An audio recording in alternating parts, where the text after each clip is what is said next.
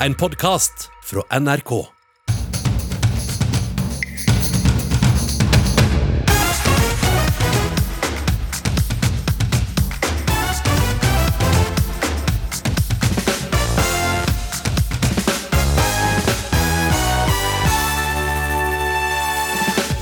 Nytt år og nye muligheter. Men starten på det nye året har ikke gått helt på skinner. We love you. You're very special. Donald Trump oppfører seg som en femåring, mener norsk-amerikaner. Han blir skremt av bildene fra kongressstorminga. Andre ler av inntrengerne og sammenligner lederen med en vikinginspirert indianer. For lufthavnpresten Torbjørn Olsen var det ikke Bibelen, men brukte sko som gjaldt da han møtte evakuerte etter skredet i Gjerdrum. Vi jobba veldig hardt med å finne 38,5. Og et av det var det nesten ikke, men vi fant forferdelig mye 42. Så det var en helt konkret oppgave. Og områder med mye smitte bør få vaksine først, sier kommuneoverlege i Bodø. Men ordfører i smittefrie Vevelstad er ikke enig. Velkommen til ukeslutt denne lørdagen, der vi konstaterer at det nye året har fått en litt røff start. Hva er det som gjør at vi takler ting så ulikt? Jeg heter Gry Veiby, følg med videre. Hvor går grensa mellom det å være pengesmart og gjerrig, spør Tore Petterson litt seinere i sendinga. Men først til USA. We're So let's walk down Pennsylvania Avenue. They don't get to steal it from us. Ja, Sånn eh, hørtes det ut da en eh, gjeng sinte Trump-tilhengere storma inn i kongressbygninga i Washington tidligere denne uka. Der tok de seg inn ved å knuse vinduer, de tok selfier og de veiva med sørstatsflagg. At en mobb så lett kunne ta seg inn, har sjokkert en hel verden. Donald Trump selv får skylda for å ha oppfordra dem til å gå dit, og ble i timen etterpå utestengt fra en rekke sosiale medier, og nå også på livstid fra sin yndlingskanal eh, Twitter. Anita Appeltun Sele, du er tidligere stortingsrepresentant for Kristelig Folkeparti. Nå er du kommentator i Norge i dag, og du er en av dem som tidligere har uttrykt støtte til Trump. Har det vært vanskeligere denne uka? Ja, selvfølgelig, for det er jo uakseptabelt. Det er faktisk kriminelt og forkastelig å bryte seg inn i Capitol Hill, dette ærverdige, nydelige bygget. Men eh, jeg vil også si det at det var nå ikke noe kupp, og konstitusjonen vant, og det er bra. Mm. Nå går Trump av, og han sørger for eh, ro og orden ved overgangen. Så, mm. Men hva, men hva synes om Trump? Mange gir jo Trump litt ansvaret her. Altså, han ba jo folk flere ganger om å gå mot kongressbygningen. Hva, hva sier du sjøl om det ansvaret han har? For det som skjedde? Ja, altså, Den var kanskje tvetydig, det ble iallfall tydeligvis misforstått. For det som er helt sikkert, er at Trump ikke ønsket det som skjedde. og Det viser jo også på det som har skjedd i etterkant. ja, hvordan vet du det, da, at han ikke ønsket at det skulle skje?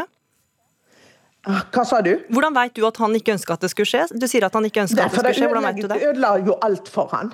Eh, og det ville han ha skjønt. Og mine venner som var der, f.eks.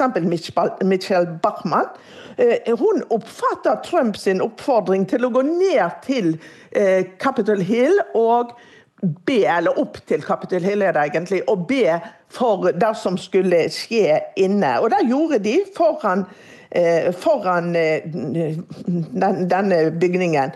Og de var jo sjokkerte over det som skjedde, og alle de som, som brøt seg inn. Og også en mann med horn som har vært på alle slags eh, demonstrasjoner rundt om i USA. Mm. Men burde Donald Trump vært bedre forberedt, altså skjønt at dette kunne skje? Ja, altså det kan jeg i etterkant si. Eh, men han har brukt det samme retorikken som han har brukt i mange sammenhenger. og Det har vært hundrevis av store rallyer, og det har aldri skjedd voldelige ting sånn som det skjedde denne gangen. Mm. Kenneth eh, Bjørbæk Standal, du er norsk-amerikaner. Du var med i Ukeslutt tidligere i fjor, da, da, sammen med broren din som stemmer på Trump. Han ville ikke være med her i dag, men hvordan reagerte du da du så storminga av eh, kongressbygningen? Jeg ble jo helt sjokkert. Egentlig. Det er utrolig trist det som skjer. Det var ikke uforventa i det hele tatt.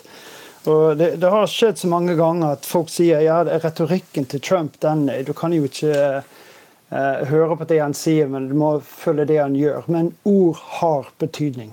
Han sto der og sa, ba folk om å gå, storme mot, marsjere mot Capitol Hill. Du kan ikke være så naiv eller dum rett og slett, og tro at de tilhengerne og supporterne hans ikke ville gå til de stegene de gjorde. Han har jo den Proud Boys-bevegelsen, QAnon-idiotene, med alt uh, støtteapparatet sitt. Selvfølgelig skal de gjøre det de kan for å hindre det. Og at han ikke trodde at det skulle skje, det er bare tull. Fordi Hvis de klarte å stoppe den prosessen, så trodde han at det ville sikre at han ikke ble kastet ut. Men heldigvis, som hun sa, så har uh, demokratiet seiret her. Og, det, og, heldigvis er Trump så klok at han ikke ville støtte uh, Trumps forsøk til å, gjøre dette. Det var jo et kuppforsøk. Det var jo det. Uh, men det var ikke på et sånn militær eller et politisk nivå. Bjørbæk eh, Standal, det skal også sies at du eh, stemte Biden ved sist valg. Du syns det er sjokkerende at mange amerikanere fortsatt støtter Trump. Hvorfor det? Jeg fortsatt støtter. Jeg skjønner hvorfor, de, eh, hvorfor han fikk 70 millioner pluss velgere på sin side under valget. Fordi folk er jo folk er lei systemet. Men han har jo latterliggjort de, de, hva skal jeg si, det intellektuelle samfunnet, professorer og journalister og eh, den slags. Og han har bygget opp og gitt en mening for de uh, arbeiderklassen, som har egentlig blitt mindre og mindre i årene. Den amerikanske drømmen eksisterer jo, men i svært lite grad. Uh, mm. den, jeg, jeg, kan ikke skjønne altså hvis du har hver femte velger borte i USA som er eh, kristelig. Jeg er ikke religiøs i det hele tatt. Mm. Og fakta er jo at religion er største årsaken til eh, veldig mye elendighet i verden. Av, ikke bare kristendom, men eh, judaisme og buddhisme er jo kanskje det eneste som jeg kan eh, virkelig holde meg til. Men der har du en forfølgelse. Jeg kan ikke fatte at folk med gode verdier og Det fins masse bra i mm. Vi kan høre med deg, da, Anita Appeltun Selle. Kan du forklare det? Altså 45% av de som støtter Trump, støtter også storminga. Hvordan forklarer du det? Eh, nei, akkurat storminga forstår jeg ikke at noen støtter. Og, og, eh, for det er jo forkastelig. Og, og Trump har jo faktisk nettopp lagd en lov som gjør at mange av disse vil få opptil ti års fengsel. Og det er de vel unt. Mm. Eh, Men at mange nå fortsatt eh, støtter Trump da, etter det som skjedde, hvordan forklarer du det? Jo, det dreier seg sannsynligvis fremdeles om, om, politikk. Og så dreier det seg vel om at han gikk ut og advarte. Og, mens han ennå hadde Twitter, så sa han jo at dere må respektere politiet. Må huske på at de er på, på vår side. Ikke, dere må opptre med lov og orden. Vi er lov og orden-partiet. Altså, han prøvde å ro inn igjen den vanvittige konsekvensen som man så at det gjorde for, for, folk, eh, for folkene som gikk mot Capitol Ja, Bjørbæk Standal, Hva syns du om det? Hva syns du om Trumps evne til å prøve å rydde opp etterpå? Det var elendig. Han sto jo og roste det Nei, særlig la Bjørberg Bjørbæk Standal svare på det. Han roste det opp. Det er fine folk og har gode menn dit. Det ble, han gjentok igjen at valget ble fratatt. Det er ingen, ikke en eneste bevis på noe valgfusk. Ikke en eneste bevis. Og så sier de at mediet står bak det. Det er derfor det ikke kommer fram i retten. Det er ikke mediet som har noe i rettssalen å gjøre. Har de bevis, legger det på bordet, så blir det tatt fram. Mm. Giuliani, han klovnen der, han, jo, han, var en helt i mine øyne når vi bodde i USA. For han rydde opp masse av det illegale, det er mafiavirksomhet i, New York City. Han rydde opp ganske mye mens vi bodde der. Men La oss holde oss til dette med valgfusk. for også Anita Peltun Selle, altså, Du har jo stilt spørsmål om valget var rigga. Er du fortsatt av den eh, oppfatning? Når 40% av amerikanerne tror at det har foregått valgfusk, så er det én ting som politikerne nå må gjøre. Og det er å gå gjennom valgloven og iallfall sørge for at alle som velger, må levere legitimasjon. For det er slik i alle siviliserte land, og det sjokkerer meg at det ikke er sånn i USA. Men, men dommer etter dommer har tatt avstand fra påstanden. Presidentens egne ministre sier at det ikke er grunnlag for å hevde det. Hvordan kan man da fortsatt hevde det, Sele? Det, det, er 40 som tror Det svaret får vi, visst, eh, får vi aldri svar på, tror jeg, for der forsvant Selle. Hører du meg nå, Selle? Nei.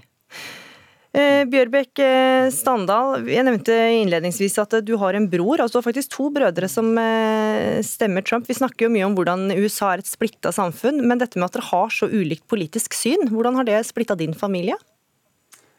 Ja, jeg kan jo bare si at hans eh, eldste broren min, som har nettopp flyttet i romjulet fra Philadelphia, eller fra Pennsylvania til Texas eh, Det passer han midt i blinken. Men eh, jeg har jo ikke kontakt med noe særlig. Han er jo broren min. Jeg hadde tatt en kule for han. Jeg er glad i han, men vi er helt på motsatt pol i forhold til politikken. Men så han yngstebroren som bor her. Vi kan jo ha noen opphete diskusjoner, men Men vi bare lar være å snakke politikk. I jula så snakket vi om andre ting. og snakket med han i nesten en time senest i går. Men da snakker vi om eh, gamle TV-show og Dean Martin og forskjellige ting som vi husker fra USA. Og lo. Og eh, det er jo ikke bare i USA det splitter folk, også her, eh, som vi hører. Kenneth Bjørbæk eh, Standal og Anita Appeltun Selle, takk for at dere var med i Ukeslutt. Senere skal vi høre at det er mange som beit seg merke i klærne noen av Trump-tilhengerne hadde på seg. Og spesielt da mannen med pelshatt og horn har florert i sosiale medier de siste dagene.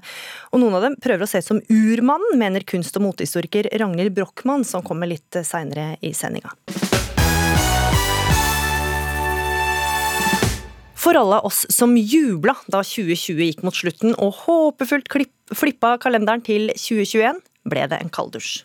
Viruset har fått en økt evne til å binde til eh, cellene våre. sånn at Dette muterte viruset er såpass mye mer smittsomt. Vi våkna av lyden og ristinga da det andre huset raste ned i juvet. Det var jo som en skrekkfilm. Forby eller begrense det å bevege seg ute. Så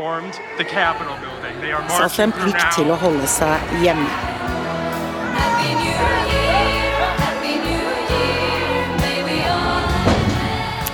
For bare ni dager inn i det nye året har det allerede vært mye snakk om virusmutasjoner og lockdown, dødstallene etter raset på Gjerdrum har steget, og vi har sett helt ville bilder fra USA. Og det har den siste uka vært mye snakk om eh, Donald Trumps mentale helse, men hva med vår mentale helse i dette året som eh, starta så hardt? Ingeborg Heldal, du er ansvarlig redaktør i KK. Du har starta podkasten Opptur med Anette Walter Numme, der dere ser etter lysglimt, og dere beskriver 2020 som et år som har vært like gøy som flass. Ja. Men hva, hva syns du så langt om eh, året 2021? Nei, hva syns vi så langt om 2021? Altså, Vi lagde jo denne eh, podden Opptur for å komme oss gjennom 2020, og jeg tror nok at eh, årsskiftet var, skulle være et brekningspunkt for mange. Det var sånn vi kommer oss gjennom Mm. 2020, Nå er får lagt bak oss Ja. dette marerittet, så blir alt så mye bedre.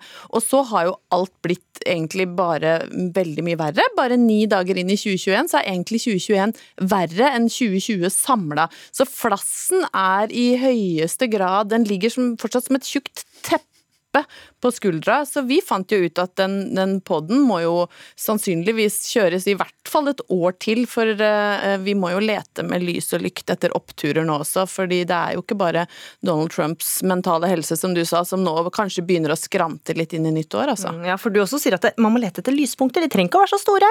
Nei, de må være små. Altså, hvis dette her skal være noe poeng, så må lista legges så lavt som overhodet mulig. For det å sitte nå en drøy uke inn i 2021 og lete etter store oppturer, det er en umulighet. Mm. Anniken Huitfeldt, du er eh, politiker for Arbeiderpartiet. og De siste dagene så har du hatt din fulle hyre, fulle hyre med å kommentere det som skjer i USA. Uh, og jeg må innrømme at når jeg så på nyhetene og bildene fra USA, så brukte jeg lengre tid på å sovne enn vanlig. Hvordan reagerte du? Altså, det var veldig intenst å se, men det er jo fordi at Biden vant valget. Og det var jo den store oppturen for meg i 2020. Og så var det gjennomføringen av dette at Trump liksom tryna så til de grader, da. Eh, Så jeg tror at resultatet av det kommer til å være framgang for demokrati. Men nå er det fornuften i deg som snakker. Men kjente du på liksom følelsene at du ble litt urolig? Eh, Nei, ikke når jeg diskuterer og analyserer politikk. Nei.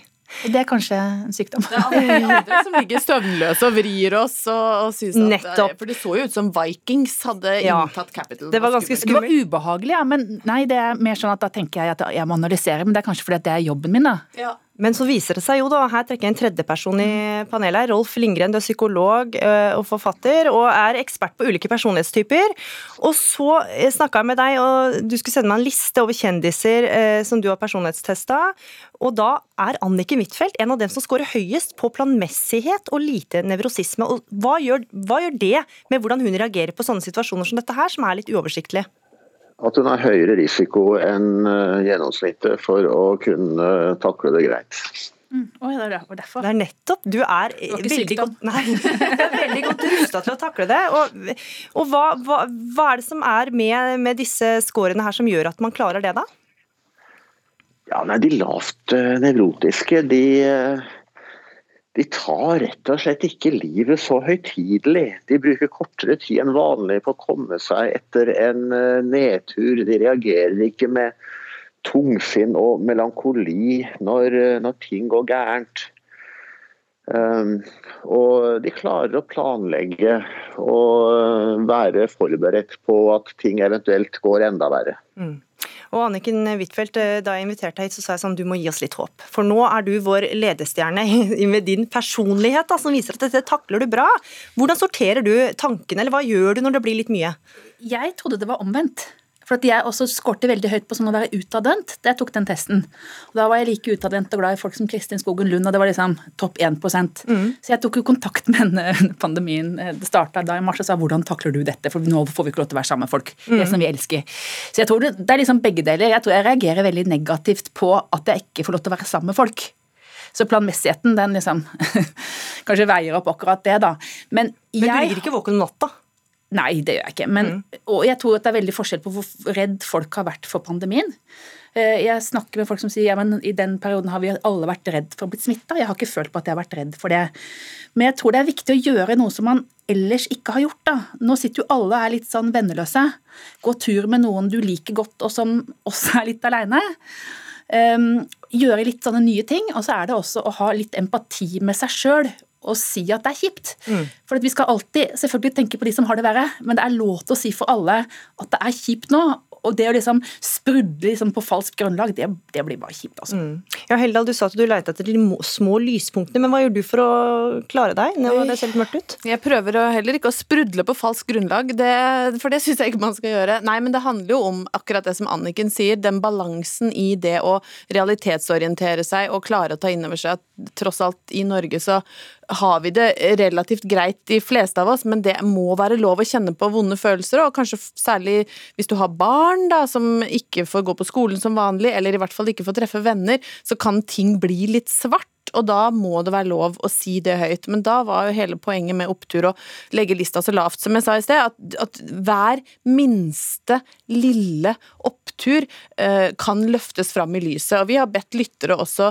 dele med oss, og det kommer altså inn ting som er så små, men vi har liksom valgt å forgylle det allikevel. Det kan være alt fra å finne en 500-lapp i en veske du ikke har brukt på et halvt år, til å bruke opp sjampoen og balsamen på samme tid og ha en liten jubel. Yes, endelig kan jeg kaste to flasker fra dusjen samtidig. Det må være så lite. For akkurat nå, etter Biden-Harris, så har ikke jeg sett noen store globale oppturer som jeg har klart å ta tak i, og da må vi gjøre det smått. Da er det de nære tingene som gjelder. Og dere har også en Instagram-konto hvor dere legger ut bilder. For eksempel, ja. i går så lå det et bilde av deg og mannen din med ansiktsmaske. Ja, det har jeg fått med min, min mann på litt sånn eh, selvpleie på, på, kveldene. Så vi satt med sånne skitmask, du vet sånn at du ser ut som han i, i fredag den 13., for å få litt, litt, fukt i huden. Og så lo vi veldig mye av det, for det ble jo egentlig ikke så veldig sexy og mest komisk, men vi klarte å le av det. Og det, du leiter bare etter de minste tingene, for det blir Jeg tror for mange så er det det monotome i hverdagen blir litt krevende fordi vi er hjemme hele tida. Begge er på hjemmekontor. Eh, vi, vi, får, vi, får, ikke møtt noen folk. Altså alt, alt er liksom innafor den lille radiusen, og alle rutiner viskes litt ut. Da. Og da må man prøve å bryte opp og leite etter små lysglimt hele tida. Og Huitfeldt, du som er leder av utenriks- og forsvarskomiteen på Stortinget, du har jo på en måte hele verden som din arbeidsplass, og det er jo veldig mye kjipe ting som skjer der også. Hvordan sorterer du? Eh, altså det handler jo om å få informasjon da, og snakke med folk over hele verden på nye måter. Så det har jo noen fordeler òg, tenker jeg. Men det at man ikke møtes, det er jo at det er jo ofte lettere at konflikter eskalerer, da. Men så merker jeg at vi bruker veldig mye tid på å si pene ting til hverandre på den skjermen. Jeg møter folk fra andre land eller ambassader eller noe sånt. Altså Vi bruker veldig mye tid på altså det der høflighetsfasen som jeg synes var veldig sånn kleine før, de får plutselig en mening. For da har det en betydning når vi ikke kan ses. Men jeg tror at nå er det jo liksom mer negativt for alle. I vår så var det veldig forskjellig hvor folk var. Da var det noen som sa å, det er deilig å være litt hjemme med barna. Og andre som syntes det var helt forferdelig fordi de hadde mista jobben. Da var vi mer ulike. Nå er det på en måte alle er enige om at nå er det kjipt, altså. Mm. Så jeg tror det er lettere nå å ta kontakt med andre, at man er på en måte på samme, på samme stadium. Eh, jeg har fått nye venner under pandemien. Det skyldes jo at jeg har Som du aldri har møtt, vel? Fysisk? Jo, som, jo, som jeg har møtt, men som jeg, øh, men har vært bekjente før. Mm. Men som jeg har fått tid til å kunne gå tur med mm. og møte på andre områder. Så jeg tenker at bruk det som også en mulighet til å ta kontakt med folk som du gjerne skulle bli litt mer kjent med, for det tror jeg alle vil oppleve som positivt. Da. Mm. Lindgren, det er jo også noen som sliter litt ekstra etter øh, hvor man ligger i personlighetsskalaen. Hvem er det nå? Ja, Når det gjelder øh dette med lockdown, sant, så er det sånn at de, eh, de skikkelig utadvendte, sånn som eh, Anniken Huitfeldt, de, de, sliter. Mm. Eh, men hvis man da igjen, som Anniken Huitfeldt, er lite neurotisk og planmessig, så gjør hun sånne ting da, som å ringe Kristin Skogen Lund og spørre hvordan hun takler det. og Det er klart at det er jo planmessige og lite nevrotiske folk som gjør sånt. da. Mm. Men hva, hva med de som er nevrotiske, men ikke utadvendte, da? Ja, jeg f.eks. Mm, ja. Hva gjør du for å sortere? Jo, jeg, gjør nok, altså jeg er veldig glad for at jeg stort sett kan leve akkurat som før. Det er det mange som sier. Og det var veldig overraskende i starten av pandemien. Hvordan jeg syntes det var veldig negativt, for jeg ikke fikk møte folk. Og mange som liker best å være aleine, som, som, sa nå er på en måte alle som meg. Mm. Mm. Så det er, og det, det, har gjort at ikke sant, det at noen, altså studenter og sånn Eh, og eldre folk som kanskje ikke møter så veldig mange til, til daglig, hverdagen blir mer lik de andres. Mm. Så vi er med på samme nivå. Jeg tror det er, det er styrking for fellesskapet, da, er det ikke det? Mm. Eh, Lindgren, helt til slutt her. Nå er det jo høres ut som det er veldig gode sånn overlevelsesstrategier eh, her fra de som sitter i studio, men hva vil du si til dem som nå ligger våkne om natta og engster seg? Hvilke psykologtriks har du til dem? Um, det å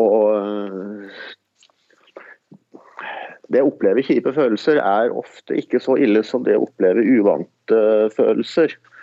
Eh, det merker at de nevrotikerne som er nysgjerrige på egne og andres følelser, de takler kjipe situasjoner bedre enn de nevrotikerne som ikke kan det. Mm.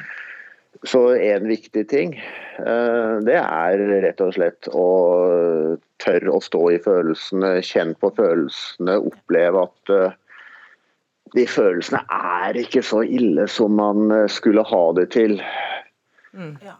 Og så er det hvilke råd man gir. altså for På seg sjøl så kjenner man andre utadvendte mennesker. Anbefaler å gå ut og treffe folk, for det virker for dem. Men det er jo ikke alle det virker for. Mm. Finne ut hvilke styrker du eventuelt har. Nysgjerrig, altså Mennesker som går høyt på åpenhet f.eks., de får jo da en gyllen mulighet til å lese bøker og sette seg inn i ting uh, når de likevel ikke trenger å bruke tid på å komme seg fram og tilbake til jobb f.eks. Jeg har lest Anna Karina. Den kunne jeg aldri gjort. hvis ikke det var for denne pandemien. Men altså det jeg tenker også er at når vi møter færre folk, mm. så blir vi litt mer så nervøse for at vi har driti oss ut når vi har møtt dem. Men bare legg det bort, da. Ja. Og bare si at vi har møtt noen, og så sa jeg noe litt dumt, men det gjør ikke noe. Det er ikke så farlig. Det er ikke så farlig. Du, vi tar med oss disse rådene videre, så krysser vi fingrene for at 2021 eh, skal levere litt bedre enn det har gjort så langt. Eh, Rolf Lindgren, psykolog, Anniken Huitfeldt, eh, politiker fra Arbeiderpartiet, og Ingeborg Heldal, ansvarlig redaktør i KK. Takk for at dere var med i Ukeslutt. Da skal vi til en helt annen sak. Å få et par varme ullsokker fikk evakuerte Eivind Dølen til å gråte. Han, samboeren og barna måtte forlate huset sitt etter skredet i Gjerdrum, og har i tida etterpå bodd på Olavsgård hotell ved Lillestrøm sammen med andre evakuerte. Der har de blitt et eget samfunn hvor barna går på skole og de får mat til faste tider. Reporter Line Forsmo har møtt noen av dem. Det var jo juleferie den eh, tiden. Så da var vi våkne litt ekstra, så jeg la meg da. Og så litt etterpå så hørte jeg et, eh, ja, et brak. Braket Eivind Dølen først trodde var lyden av en brøytebil, var kvikkleireskredet i Gjerdrum som gjorde at han og familien måtte evakuere. Så kom det, hørte jeg at det begynte å trampe på terrassen vår, fordi at det er der eh, hovedinngangen vår er. Og så ringte det på døra, og da løp jeg ned i bokseren, og der sto det en eh, brannmann. De tok bare med seg klærne de gikk i, og mobiltelefoner, i tilfelle de skulle miste hverandre. Ting var jo litt sånn i tåkeland. Altså, vi skjønte liksom ikke helt hva som skjedde, selv om brannmannen sa at det hadde vært et ras. Nå sitter Eivind på hotellrommet på Olavsgård hotell, hvor han og familien har bodd siden, og ser ned på et par ullsokker som noen ga han for å hjelpe, og som varma så godt at han begynte å gråte. Jeg har den faktisk på meg i dag. Gode ullsokker. Ja, hva betyr det å få, eh, få klær og, og, og ting som har blitt samla inn til dere? Det betyr utrolig mye. Det sier jo litt om eh, oss nordmenn. At eh, eh vi alle er sammen. Det gir håp til dem som eh, kanskje ikke har noen ting, som oss. Stabler av klær de har fått donert, forteller om omtanke og mange som vil hjelpe. Alt vi eier nå, det er det vi har eh, fått fra donasjoner. Og det er vi veldig takknemlige for. Vi har hatt nesten 40 familier eh, med behov for klær som har kommet til i dag, og vi kan gi dem hjelp. Det er fantastisk. I Holterhallen er mange i sving. Til å begynne med så la vi merke til at folk var fryktelig beskjedne. Øyvind Ordemann, lokalforeningsleder i Nannestad og Gjerdrum Røde Kors, viser fram en hall full av klær, sko, barnemat, kopper og fat, samla inn for å hjelpe de som måtte forlate sine hjem pga. skredet. Vi har prøvd å få de til å forstå at uh, her må de ta til de blir flau, og litt til. For uh, det er det som står og ser ned og sier at uh, den buksen kan jeg sikkert bruke noen dager til. Øyvind blir rørt når han ser barn som finner leker og ler igjen. En hel haug med bamser. Ja, Her ser vi tre små jenter som virker veldig fornøyde med noen barnevogner og forskjellig her. Da får de også eh, tanken på noe helt annet enn eh, det som har skjedd. Det tror jeg også eh, er veldig viktig at eh, man eh, får muligheten til å tenke på noe annet. Noen var selvfølgelig sterkt prega Eh, for de hadde bare det de satt i. Det, for noen var det bare et ullteppe og eh, en plastikkpose på hvert bein. Torbjørn Olsen, som er lufthavnprest på Oslo lufthavn Gardermoen og tilknytta Gjerdrum, står utenfor Olavsgård hotell ved Lillestrøm, hvor han møtte folk som var evakuert morgenen etter skredet. Så mange var veldig prega, men altså, når dronninga var her, så sa hun at det var sterke opplevelser, men det er sterke mennesker òg og det at folk tar vare på hverandre. Lufthavnpresten forteller at mange har hatt behov for å snakke. Både om det som har skjedd, men etter hvert også om helt andre ting. For å få en liten sånn pause. Og så eh, er det fint noen ganger òg. Å snakke litt om Donald Trump og kongressbygningen og sånt noe. Det, eh, det kan også være fint. Eh, men mange har jo også sikkert kjent på en håpløshet. Hvordan er det å skulle gi håp i en sånn situasjon? Ja, jeg tenker jo at kirka er jo i håpsbransjen, så vi har liksom betalt for å holde håpet høyt. Eh, og så har jeg sagt til alle at så lenge politiet sa det var håp, så var det håp. For det vi skjønte jo alle sammen at tida jobba mot oss, og kuldegraden jobba mot oss. Eh, men så lenge det, politiet sa det var håp, så sa jeg det er det håp. Vi skal ikke slutte å håpe før, eh, før det er slutt. Og så er vi ganske sterke når vi må, og begynner å tenke framover. Og ta noen sånne grep for å planlegge videre. Reorientere seg i livet, begynne helt på nytt med helt blanke ark. Eh, og der er det jo mange som er godt i gang. Utenfor Gjerdrum ungdomsskole er telys forma som et hjerte rundt en fakkel. Rektor Stine Torstensen sier de starta og avslutta første skoledag i 2021 med å tenne lys. Det ble veldig fint. Mm. En av deres elever er fortsatt savna. Vi, vi, må jo tilpasse hverdagen ut ifra det vi er utsatt for. Altså Gjerdrum, Ungdommene har opplevd en kjempekatastrofe i bygda si. Så det er klart at det preger alle på et eller annet vis, og det skal vi stå i lenge. Fra vinduet på skolen kan de se bort dit skredet gikk så ser du de oransje gjerdene som går der. Sånn at, eh, og du ser jo enden av det borteste boligfeltet, er jo de husene der. Sånn at det er, ikke, det er bare noen hundre meter bort til skredkanten herfra. Så det er klart at det er veldig spesielt at her skal vi sitte og ha undervisning, og, og der borte har det som har skjedd, skjedd. En av de som har jobba nede i skredgropa for å finne savnede, er Kenneth Kortsen, avsnittsleder for hundetjenesten ved Oslo politidistrikt, sammen med hunden Pico. Når vi lasta opp i helikopter og fløy ut og fikk se skredområdet første gang, så ga det jo et voldsomt inntrykk. eh, De naturkreftene som hadde vært i sving.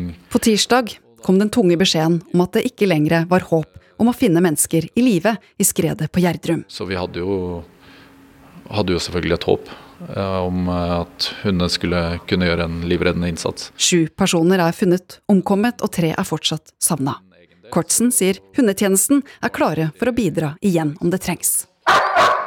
På Olavsgård hotell forteller Eivind Dølen at barna nå får undervisning inne på hotellet, og at det er blitt som et lite samfunn der inne, med både aktivitetsrom og mat til faste tider. Eh, Der vi har eh, spisetid når vi kan spise frokost, når vi kan spise lunsj og middag. Og så er det disse informasjonsmøtene som vi har to ganger om dagen. Men på et lite hotellrom er det ikke så lett å holde orden. Selv om alt er ryddig, så ser det likevel rotete ut.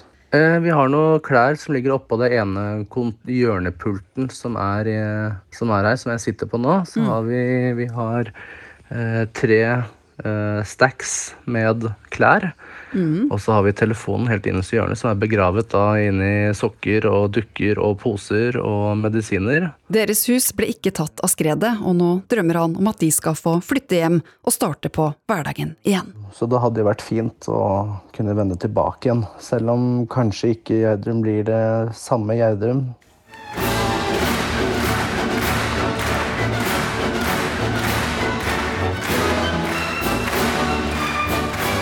Ja, idet nyttårskonserten fra Wien er over, setter også nyttårsforsettene inn. Mye tyder på at mange dropper alkohol i januar og har en såkalt hvit måned. Salget av alkohol på Vinmonopolet går kraftig ned i januar, mens salget av alkoholfritt øker. Men har det noe for seg å kutte ut all alkohol i en eh, måned? Ja, det skal vi snart finne ut av, men først til deg, Geir Skau. Du er programleder i Morgenklubben med Loven og Co. på Radio Norge, og er nå godt i gang med en hvit eh, måned. Hvordan gjør du det? Hvordan du gjør det, det er jo bare å ikke drikke, da. så enkelt. Så det er ikke så vanskelig? Det er ikke noe rakettforskning, det. Men hva, hvorfor er det du har dette som eh, nyttårsforsett, da? Nå er jo, nå, I dette året som har gått nå, så har det jo dratt på seg et par hekto, det må jeg jo innrømme. Og, og jeg veit jo at uh, alkohol er det mye kalorier i, og jeg klarer jo helt fint å ikke Nå er det jo ikke noe fest. Det, er jo, det, det skjer jo ikke noe. Ikke får du gått ut, ingenting. Så for meg er det er ikke noe stort problem, dette her. altså. Men du har jo tydeligvis klart å legge deg litt, eh, få litt ekstra kilo i året som var. Det var jo Ja, ikke så mye fest da heller, eller? Nei, men det ble Du kan fint sitte hjemme og ta deg noen glass uten at det Og det var jo også mulighet til å gå ut og ta noen begre òg, da. Hva er det du ønsker å oppnå, da?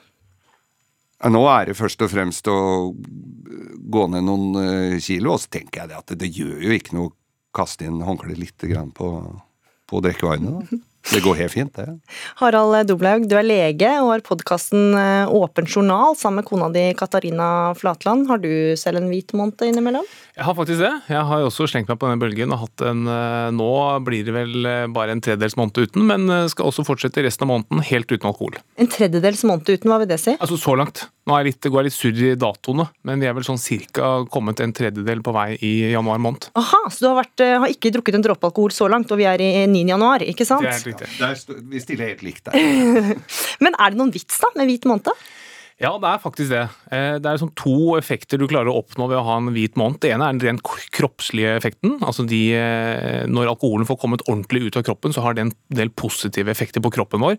Og så er det de mentale aspektene ved det. Og det er sikkert mange som hører på som tenker at en hvit måned, det kunne jeg sikkert hatt, men jeg tror også ganske mange tenker at det hadde jeg faktisk slitt med. Og hvis du føler at det hadde vært vanskelig for deg å ha en hvit måned, da syns jeg du skal tenke deg om. Det er et lite rødt eh, flagg, altså, hvis du syns det er vanskelig. Ja, det vil jeg egentlig si, og i hvert fall nå som det er sosial nedstenging, det er lite som skjer ute. Mange sitter kanskje og, og drikker, ikke nødvendigvis helt alene, men med relativt få mennesker. Det skal være ganske enkelt å klare én måned helt uten alkohol nå. Mm. Geir Skau, hvilke fordeler får du av det, eller kjenner du så langt? Nei, Fordelen er når jeg, jeg har gått ned en kilo på en uke nå. Jeg må jo si, det, jeg vet ikke om det er bare pga. den. Det er vel fordi jeg heiv all julekonfekten og Gikk litt på litt bedre kosthold, men, eh, men det er jo helt klart at det, Og jeg har jo hatt hvit måned før. Jeg synger jo i et kor hvor det har vært ganske eh, vesentlig i, eh, i januar. Ja, for, for, det, ja, for det, du er med i Mannskoret. Dere Ja. pleier å ha en hvit måned eh, avslutningskonsert. og Hva går det ut på? Det er jo at det, Der er det jo mye skuespillere, artister, musikere, mye folk som tilhører underholdningsbransjen. Og der har jo, De har jo hatt en sånn hvit månedsgreie i veldig mange år. Og så skal den avsluttes da, siste helga i januar eller første i februar, alt ettersom hvordan det passer. Og da er det flattjern, da er det konsert og fest. Det er, eh, det er liksom sånn eh, Ja, da, da, og da blir det skjenka på godt, altså. Men eh, det blir jo ikke noe av nå. Nå er vel ikke kor og korps og den slags anbefalte fritidsaktiviteter, Mm. så, så, nå, så nå blir det ikke noe av det. Da. Men eh, Doblaug, det er også også fordelen med å ha hvit måned, for at du senker jo alkoholterskelen, så du vil jo, være, du vil jo, du vil jo fortere bli full når du begynner å drikke igjen. Ikke at det er noe mål i seg selv, da. Bare la meg presisere det. Ja. Det er helt riktig. altså Når du drikker alkohol, så opparbeider du en toleranse, så du må ha mer og mer alkohol for å kjenne den samme rusen. Mens, eh, mens leveren din opparbeider seg ikke samme toleranse. Så hvis vi nå starter litt på scratch, og, og du trenger mindre alkohol for å bli full i februar, så vil det være en stor fordel for leveren din, for den har rukket å hente seg inn etter en litt tøff desember for mange. Hvor mye sparer du på dette økonomiske, Geir? Det er tusenvis. Altså, og jeg har jo lagt merke til det nå når, jeg, når jeg har gått på polet nå, sånn, når dette siste året, da, i sommer og sånn, så drar jeg jo på litt. Jeg kjøper jo ikke de billigste vinene. Det, det jeg unner meg litt ekstra, altså. Mm. Men da skal du mindre til for å kjenne rusen også, da, hvis du først har hatt en vint måned? Ja, det kan, jeg, det kan vi se når 1. februar skal jeg ringe deg. Dobla, eh, vi hører jo her Geir Skau vil også gå ned i vekt. Altså, hvor mye kan man Én kilo var kanskje litt mye på en uke. Det er vel ikke veldig levedyktig det framover. Men eh, hvor mye kan man regne med at det slår ut på vekta? Ja, det slår ut eh, faktisk ganske mye, og en, en halvliter pils det er ca. 200 kalorier. Det er 10% av kaloriinntaket for et eh, lite menneske. Så det er faktisk ganske mye. Og så er det jo sånn med alkohol at man blir ikke mett på samme måte, så det er ikke det at de 200 kaloriene du får i deg fra en halvliter pils erstatter noe mat. I tillegg så vil mange oppleve at eh, når du drikker alkohol, så er terskelen litt lavere for å unne seg litt kosemat, eller å ta en ekstra labb ned i den julekonfektskåla. Mm, mm. Geir Skau, det er ikke første gang du har hvit måned, som du sier. Eh, Hvilke tips har du for å ikke falle for fristelsen til å ta et glass når du ligger på sofaen og slapper av? Nei, jeg vet ikke, jeg, men dette her sitter jo veldig mye over snippen, med mindre du blir veldig skjelven og sånn som han sier, at du skal eh, At du Hvis du, hvis du ikke klarer hvit måned nå, i januar, når alt er stengt ned, da, da har du et problem. Da, da må du ha helt annen hjelp enn bare bruke huet. Mm. Finnene har et uttrykk eh, som heter kalskarikenit, og det betyr å sitte inne aleine i underbuksa og drikke uten tanker om å møte andre. Og det, det skal jeg ikke inn på, altså. Men hvor Nei, det er bare å bestemme seg. Det er som å slutte å røyke og slanke seg. Altså, du må være litt psykisk eh, bevisst på det. Men jeg har hatt hvit måned. Januar klarer alle. Mm. Da skjer ingenting. Mm. Men jeg har hatt hvit måned i mai en gang, bare for å bevise at det klarer jeg. Og det er jo et sant helvete, for da er det jo fri annenhver dag. Og det er 17. mai, og bursdagen min kommer midt inni der, og det er altså, pinser og alt mulig rart. Du får trene opp den eh, avståmuskelen da. Men jeg tenker på at, ikke sant, Når du sier at det er lett å ha én hvit måned, altså har du én hvit måned, så har du da definisjonsmessig elleve brune måneder. Altså elleve av tolv måneder i året du får lov til å drikke. Så jeg er helt enig. Jeg tror vi skal si at det, det bør være ganske lett å klare seg en måned uten Mm. alkohol. Hvis ikke så kan det være at du har et problem. Og så skal vi tenke litt på at de rundt oss kan føle at man har et problem uten at man selv føler at man har et problem. Og da tror jeg det er ganske lurt å være litt selvbevisst på det, og så spørre de rundt seg. Syns du jeg kanskje burde ta en hvit måned? Syns Mm. du kanskje jeg burde eh, kutte ned på drikkingen? Eller at man kan gå til andre, så kan man si du, nå hørte jeg på Ukeslutt her på, på radioen, der var han eh, dr. Roblau og Skau, de argumenterte for hvit måned. Vi skulle ikke tatt en sånn hvit måned, du og jeg. Mm. En litt lavterskel måte å si det på. Mm. Og så nå er vi jo en tredjedel, nå fikk vi akkurat høre at vi var på 9. januar, som sikkert er helt riktig. Jeg går litt surr i disse ja, det er helt riktig. Det er faktisk fakta. Ja. Sånn at mange tenker at ja, hvit januar, det skulle gjerne gjort, det blir neste januar. Men man kan godt ha fire hvite uker. Eller, eller hvit eh, februar, eller hvit 15. januar til 5. februar. Sjansen er ikke gått fra deg, selv om jeg er på 9. januar. Hvis du tar mars for eksempel nå, da, så er du klar til påske. Har du noen andre nyttårsforsetter da, i 2021? Nei, det får holde det, altså. Hva med deg? dette holder, i, dette holder i massevis. Ja. Nei, men eh, Kjempebra. Takk for at dere var med i Ukeslutt. Harald Doblaug, eh, lege, og Geir Skau, programleder i Morgenklubben med Loven og Co. på Radio Norge. En god følelse, egentlig. Nesten som om førstemann på avstand gikk på månen. Ja, tenk på det. Ikke gråt engang. Historiske øyeblikk. Svein og Ada var blant de første som fikk et lite stikk på overarmen. Koronavaksineringa er i gang.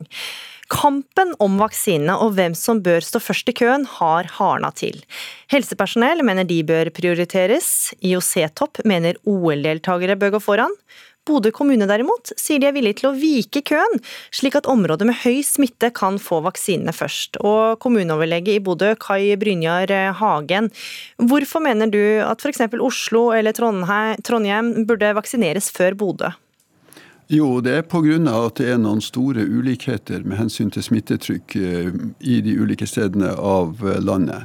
Og eh, Eksempelvis Oslo er jo veldig hardt ramma av denne pandemien, og, mens Bodø i svært liten grad er ramma. Og da tenker jeg at det er både epidemiologisk riktig og solidaritetsmessig riktig at man vaksinerer i Oslo først. Eh, det er for å, å utjevne disse store ulikhetene. Toril Haugan, du er ordfører i Vevelstad i Nordland. Dere har ingen eh, smitte i kommunen. Hvorfor skal da dere prioriteres på lik linje med kommuner med høyt smittepress? Eh, for meg så handler det om et helt grunnleggende prinsipp i den norske velferdsstaten, og det er likhet. Og jeg mener helt bestemt at uansett hvor du bor i landet, så skal du ha rett til den vaksinen som kommunen er tildelt. Eh, beboere på Vevelstad sykehjem de er akkurat like sårbare som beboere på et hvilket som helst annet sykehjem, om det er i Oslo eller i en annen kommune. Så denne likheten, det likhetsprinsippet som heldigvis er lagt til grunn, og som har sørget for en rettferdig fordeling av vaksinene, det er grunnen til at vi i Vevelstad, Vevelstad skal få de fem dosene vi skal få. Mm. Kai Brynjar Hagen, kommuneoverlege i Bodø. Altså, hadde det ikke vært betryggende da om beboerne hos dere også var vaksinert? Eh, her er det jo snakk om fordeling av et knapphetsgode. Eh, og, og, Hvis man snakker om likhet, eh, så må man presisere litt nærmere om det er tilbudslikhet eller resultatlikhet man er ute etter. Hvis man f.eks. skal behandle la oss si en gruppe pasienter med diabetes, så vil det jo eh, være en tilbudslikhet hvis alle fikk nøyaktig samme dose av nøyaktig samme medikament. Mm. Eh, men resultatet ville bli katastrofalt. Og jeg vil hevde at resultatlikhet er det som vi må etterstrebe. For du sammenligner det med en brann. Altså man må slukke der det brenner. Kan ikke du si litt mer om den sammenligningen? Ja, altså Oslo eh, lider jo under et veldig høyt eh, smittepress med og har inngripende tiltak overfor folk. Så det er mange folk som må bære tunge byrder av dette. Eh, men, og da er det riktig sånn nasjonalt, mener jeg, å prøve å hjelpe til for å lette på den situasjonen der. Så gjør det ikke store forskjellen for en kommune som Bodø, og for så vidt ikke for Vevelstad heller, eh, om man utsetter vaksinering her en uke eller to eller tre, det, det, har ingen betydning. Og det er slett ikke rett at en sykehjemsbeboer i Vevelstad har like stor eh, smitterisiko som en sykehjemsbeboer i Oslo eksempelvis. Mm, ja, og Haugan, du må jo være enig at sjansen for å bli smitta er jo større i steder der hvor smitten er høy. Hvorfor skal ikke det telle mest? Når man har et begrenset antall med vaksiner akkurat nå? Ja, Nå skal jeg snakke på vegne av Vevelstad. Jeg vet ikke hvor godt Hagen kjenner til eh, Vevelstad kommune og forholdene på Vevelstad sykehjem, men jeg er helt uenig med det som blir sagt her. fordi eh, ingen vet, det er ingen som har en krystallkule som kan forutsi hvordan denne pandemien eh, vil utvikle seg i den nære fremtid eller fremover. Så hva som er situasjonen, hva som vil være situasjonen for eh, Vevelstad og på Vevelstad sykehjem, det kan ikke jeg si noe om, og det kan heller ikke Hagen si noe om. Så det her med risikoen for smitte. Eh, vi må også ta i betraktning den sårbarheten som er i Vevelstad kommune, fordi vi er en liten kommune, opp mot en kommune som har et mye mye større apparat for å kunne ivareta de lovpålagte helsetjenestene en kommune skal. Så det her med å eh, si at ikke det er en risiko, at Vevelstad kommune ikke vil ha noe problem med å utsette eh, vaksineringen, det er jeg helt uenig i.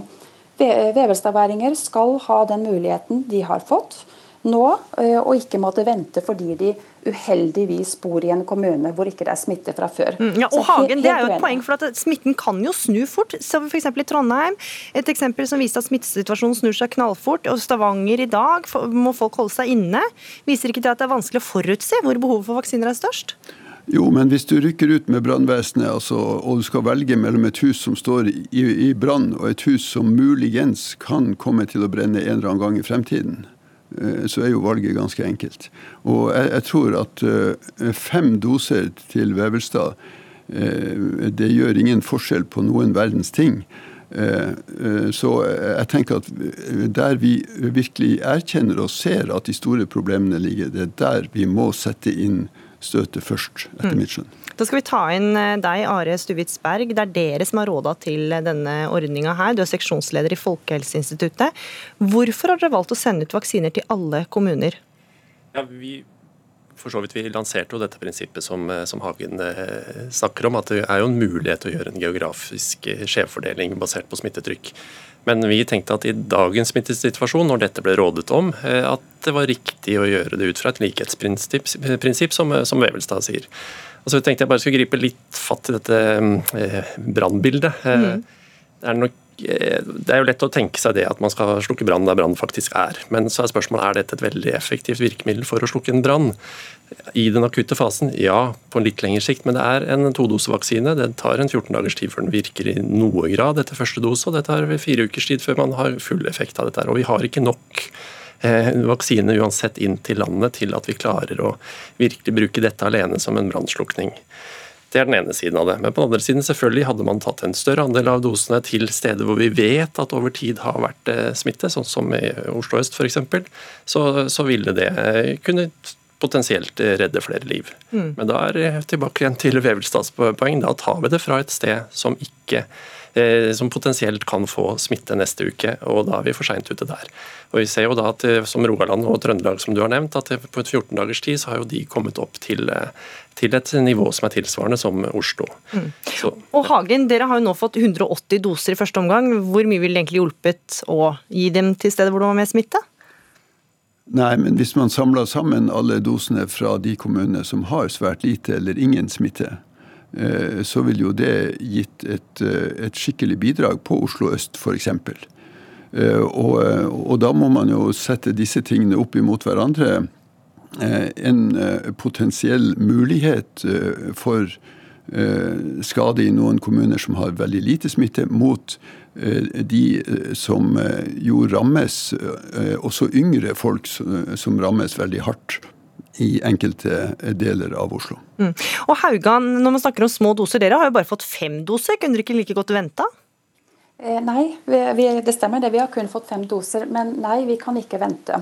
Jeg syns det, eh, det, er egentlig ganske oppsiktsvekkende at eh, en argumenterer her for at sårbare mennesker som eksempelvis beboere på Vevelstad sykehjem, de skal ikke bli gitt samme mulighet til å gå en mer sikker fremtid i møte med tanke på en eventuell smittesituasjon.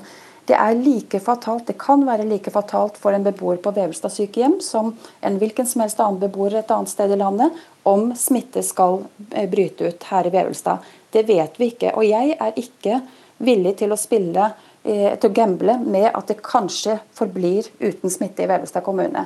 Vi har fått fem doser, og de fem dosene skal brukes i Vevelstad for å sikre våre innbyggere. Mm. Berg, hvor mange må vaksineres før det har god effekt? Vi hører om ganske små doser her, og det går jo sakte. De har fått kritikk for at det går litt sakte med vaksineringa. Ja, altså Vi får jo det vi får, eh, men så har vi også valgt, eh, altså har vi et ganske komplekst system. Vi, det er jo kommunene som det sies her som vaksinerer, så det skal jo helt ut i kommunene. Men Andre land har jo valgt annerledes, bl.a. Danmark, som vi sammenlignes med. og De har jo valgt en mer, for det første har de en veldig sentralisert vaksinering, som selvfølgelig er raskere. Og så har de valgt en da geografisk differensiering til en viss grad. Men det man risikerer med nå, er at ingen kommuner blir skikkelig beskytta. Man blir jo bare litt beskytta. Nei, men jeg tror nå i den fasen vi er nå, og med den kunnskapen vi har om vaksinen, så snakker vi her om individuell beskyttelse. Det er først og fremst vaksinen virker hos den som får den. Så for hver som får dosen, så er det en til beskytta. Det er ikke sånn at vi kan snakke veldig sånn gruppenivå ennå. Vi vet for lite om den der smitteforebyggende effekten ved denne vaksinen.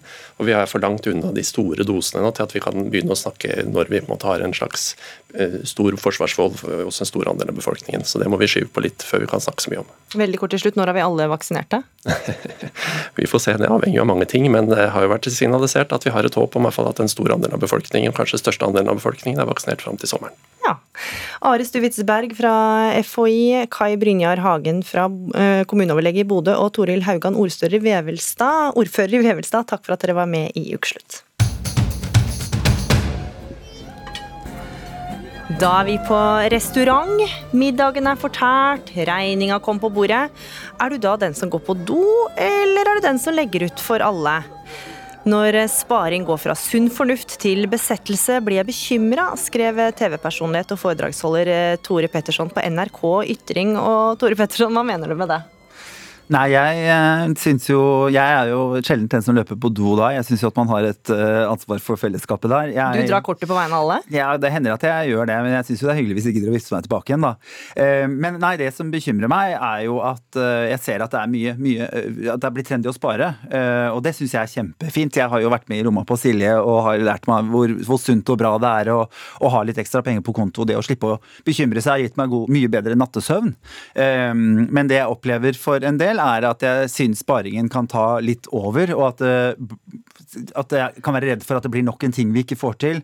Eh, sånn som yoga og alle de andre tingene. Spise sunt og trene og disse tingene som vi, vi har. Da. Så jeg tenker at, eh, For det er jo alltid ofte liksom de ekstreme som blir vist. Ja, og, og hvem er de? Hvem er det du kritiserer? Nei, det er jo de som vil være gjeldsfri før de er 30 og pensjonist før de er 40. FIRE-organisasjonen som, som, sprer seg, og den har nok ikke slått så, så stort ut i Norge. Men jeg, har jo, jeg fikk jo mye kritikk etter denne, etter, etter, denne ytringssaken. Ja. Eh, og det er klart at eh, mange av de har jo headlines som 'hvordan bli millionær', 'slik blir du rik'. Eh, og jeg tenker at Eh, det er fint å ha penger på bok, men det å legge fokuset på å bli rik, for det er jo et definisjonsspørsmål, da, hva er det som gjør deg til et rikt menneske? Mm. Så, så, jeg har ikke noe imot at man skal spare og gi gode råd om, om eh, tingene, men jeg har problemer med når man sier 'slik blir du rik', mm. for da blir det også veldig fort noe man ikke får til, og enda en ting man, man feiler på. Da. Så det bekymrer meg litt at det, skal, at det skal bli det fokuset på det. At det ikke er heller uh, fornuftig tankegang,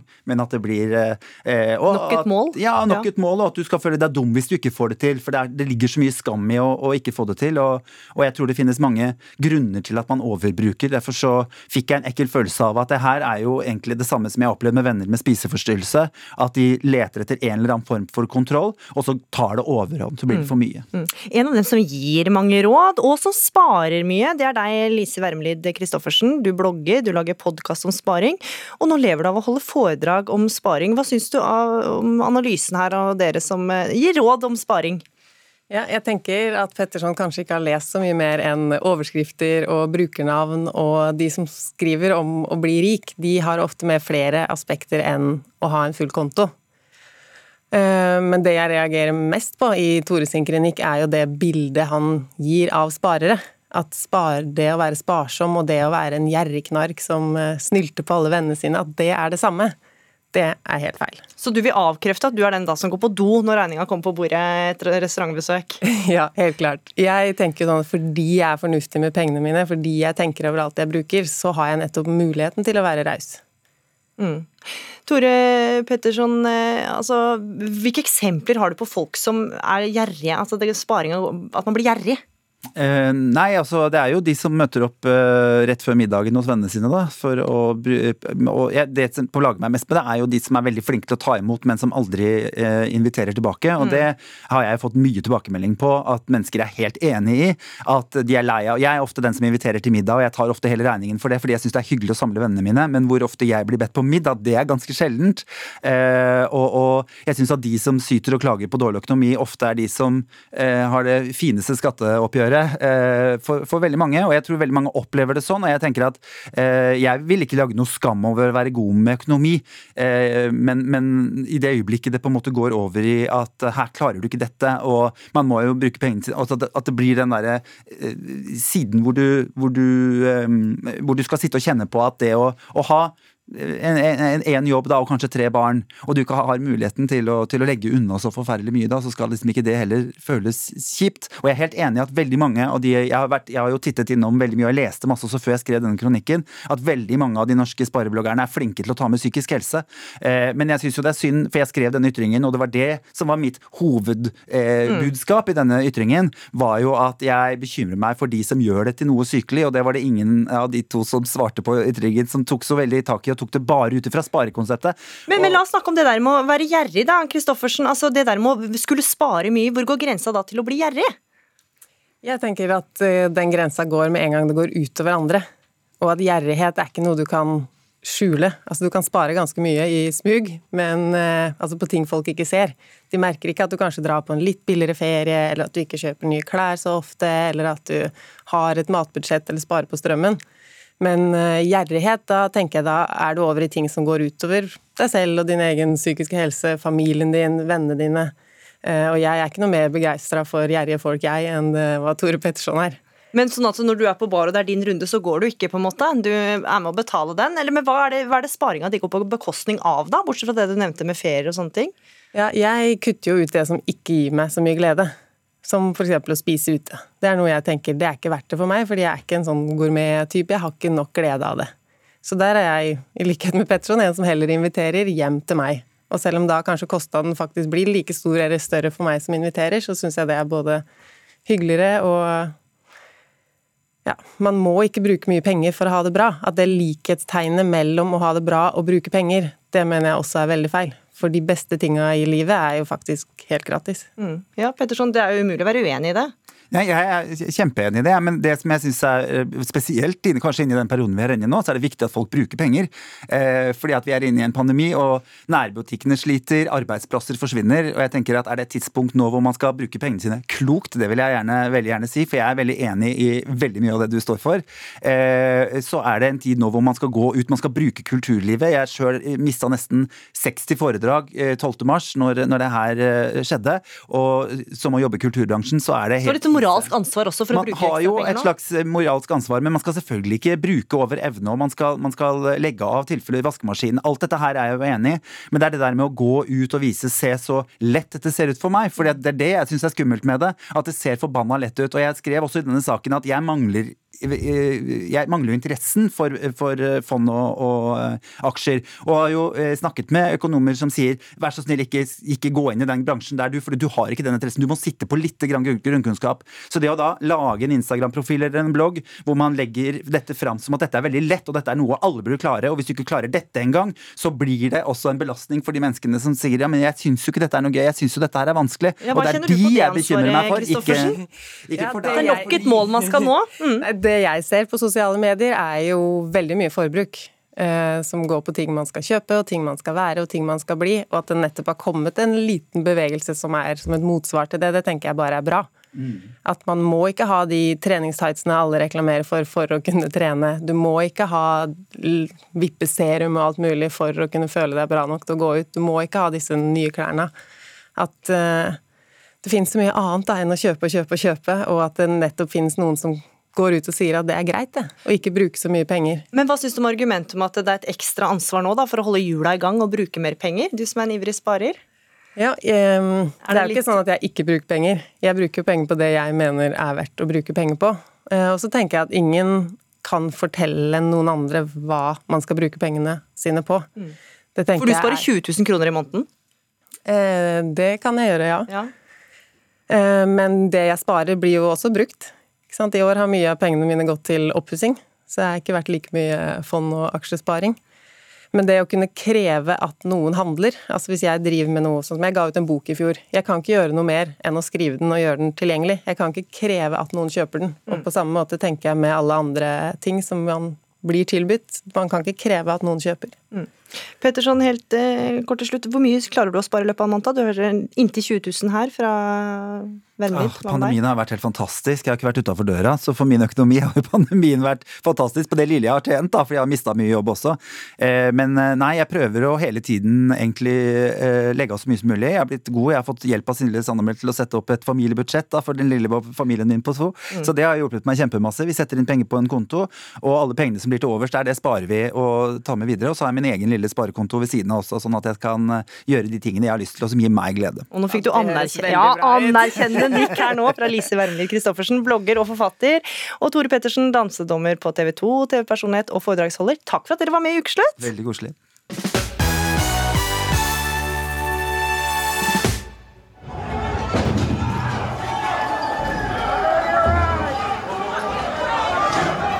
Det var eh, scener eh, som eh, mange karakteriserer som ville og helt surrealistiske. Rasende demonstranter som altså tok seg inn i Capitol Hill denne uka. Men det som mange også beit seg merke i, var hvordan noen av demonstrantene så ut. Pelslue med horn, ansiktsmaling og bar overkropp, hettegensere, amerikanske flagg og langt skjegg. Ja, sosiale medier har nærmest bobla over av slengbemerkninger. Var det et band, er det et nytt legosett, eller er det kanskje et karneval på avveie? Men eh, de som tok seg inn er kjente personer på ytre høyre. Men la oss ta det estetiske først. Ragnhild Brochmann, du er kunst- og motekulturhistoriker og skribent i Morgenbladet. Hei. Hvordan vurderer du klesstilen til de mest aggressive tilhengerne til Trump? Nei, altså jeg tenker at på det mest sånn åpenbare, umiddelbare planet, så er det nesten skremmende i hvor stor grad det innfrir alle våre mest umiddelbare forventninger og motforestillinger om hvem de skulle være. Og jeg tenker at vi kan kalle dem eh, en bred vifte av kjellerstuesoldater. Eller hvis vi skal sette det enda mer på spissen, eh, guttastemning Fifty Shades Darker, tenker jeg. Og dette er, eh, dette er en gjeng som jeg tror representerer som sagt alle de fordommene vi har om hvem det er som sitter og nettroller, de som ikke klipper skjegget sitt, ikke trener ikke går i klær som sier noe om selvomsorg og familieliv, som sitter nede i kjelleren, og på den andre siden de som leker paramilitære og som har Kevlar-jakker og hjelmer som langt overgår eh, politiet som er der. Så Overordna så sier det noe om ikke minst en veldig tradisjonell maskulinistisk stil, som sier antiestetikk med store, feite bokstaver. ikke sant? Det er anti-overklasse, anti-akademia, anti-skjønnhet, anti det kvinnelige.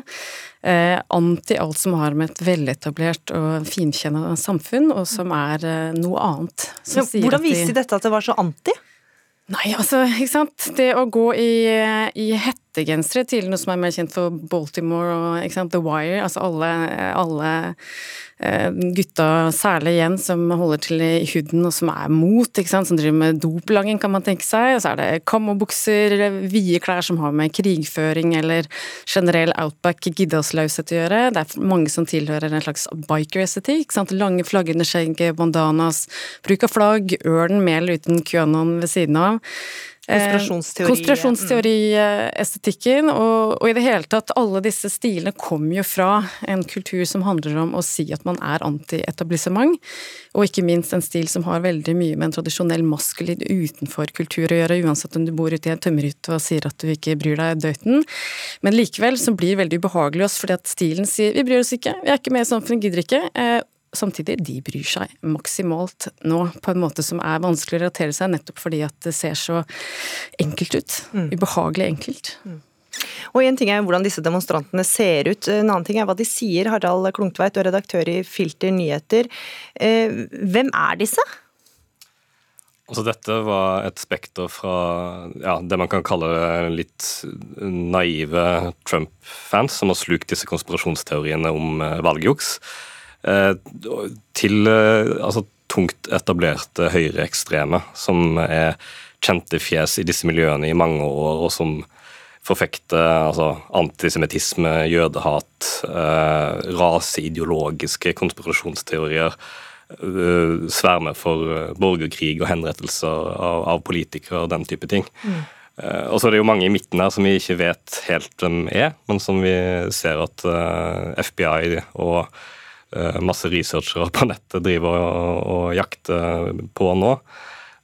og der er det jo Det, det er jo overhodet ikke et, bare et arbeiderklasseopprør eller noe, noe, i den retning. altså det, det har kommet fram nå det siste døgnet at det var jo en en kvinne som er altså, rik eiendomsmegler, som tok privatflyet sitt til Washington for å delta på dette her. Det var en, en forsikringsagent, en, en, direktør i et lite IT-selskap. Um, Eh, flere folkevalgte er jo under etterforskning, altså republikanere i, som, er, som, er, lokalpolitikere, som enten har stilt på valg, eller som faktisk sitter og er, og er politikere den dag i dag. Som altså blir ført bort av FBI i håndjern med, med hettegenseren trukket godt ned over ansiktet. Så det, det altså en absurd koalisjon av uh, av eh, jeg skulle si, vanlige, litt uh, dumme Trump-fans og Eh, altså, he, og hele skalaen til nynazister, rett og slett. Mm, og så er det en av de som har blitt mest fotografert, og kanskje harselert med også, han Jake Angeli,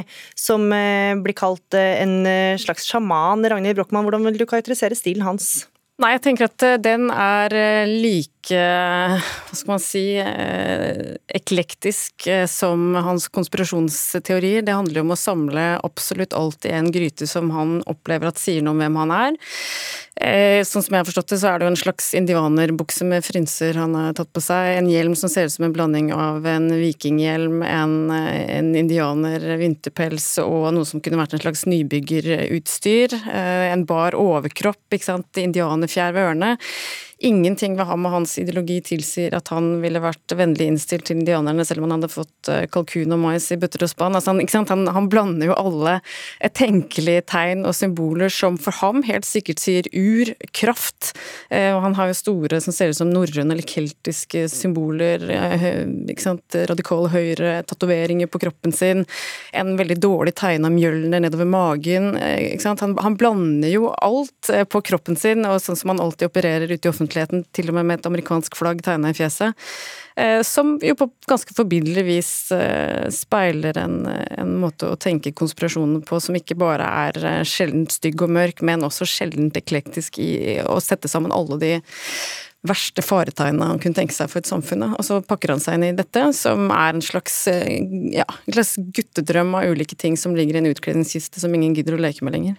Bortsett fra han, altså. Bortsett fra ham. Ja. Det tenker jeg jo gjelder mange av de mm. andre som blir trukket fram også. Representerer jo en slags sånn, hva skal man si, infantil eh, gutteutkledningsestetikk, ikke sant. Eller ned til liksom å bruke, bruke store flagg som en kappe det å ha en slags hatt med horn, ikke sant? Eh, små tatoveringer som viser seg å komme fra gamingverdenen og ikke engang fra norrøn mytologi. Altså det, er, det er en barnlighet det, over det også. Sammensurium av alt sammen. Og Harald Klungtveit, hvis vi holder oss til han Jake Angeli, hva, hva står han for?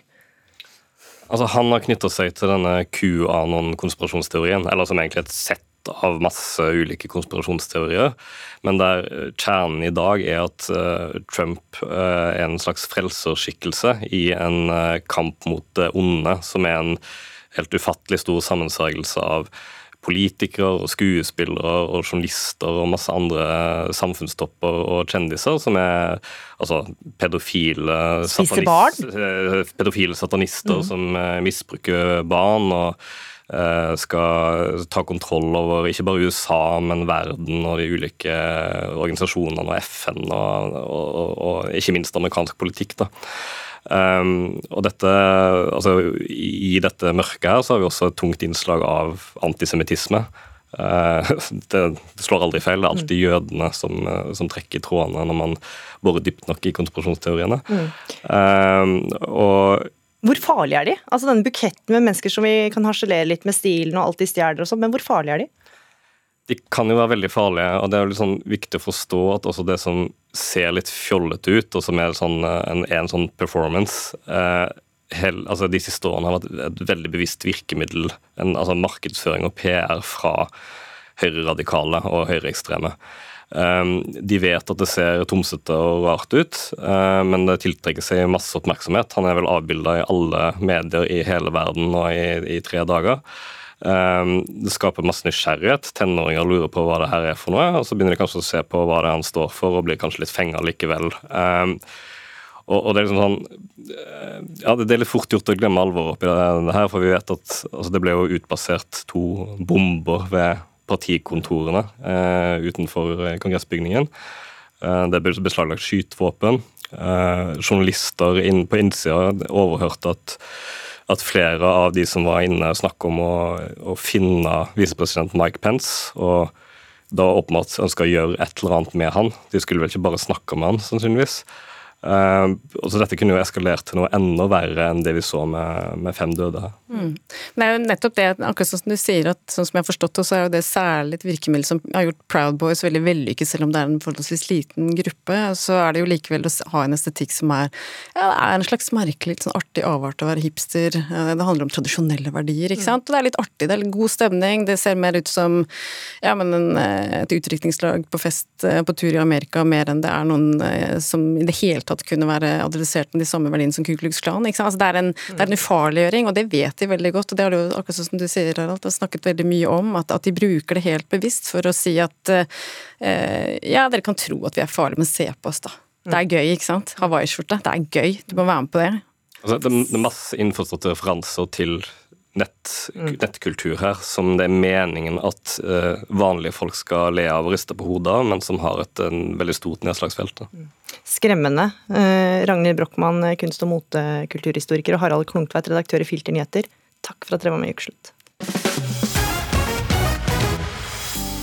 Da er ukeslutt eh, slutt for i dag. Det tekniske ansvaret hadde Helje Svensson.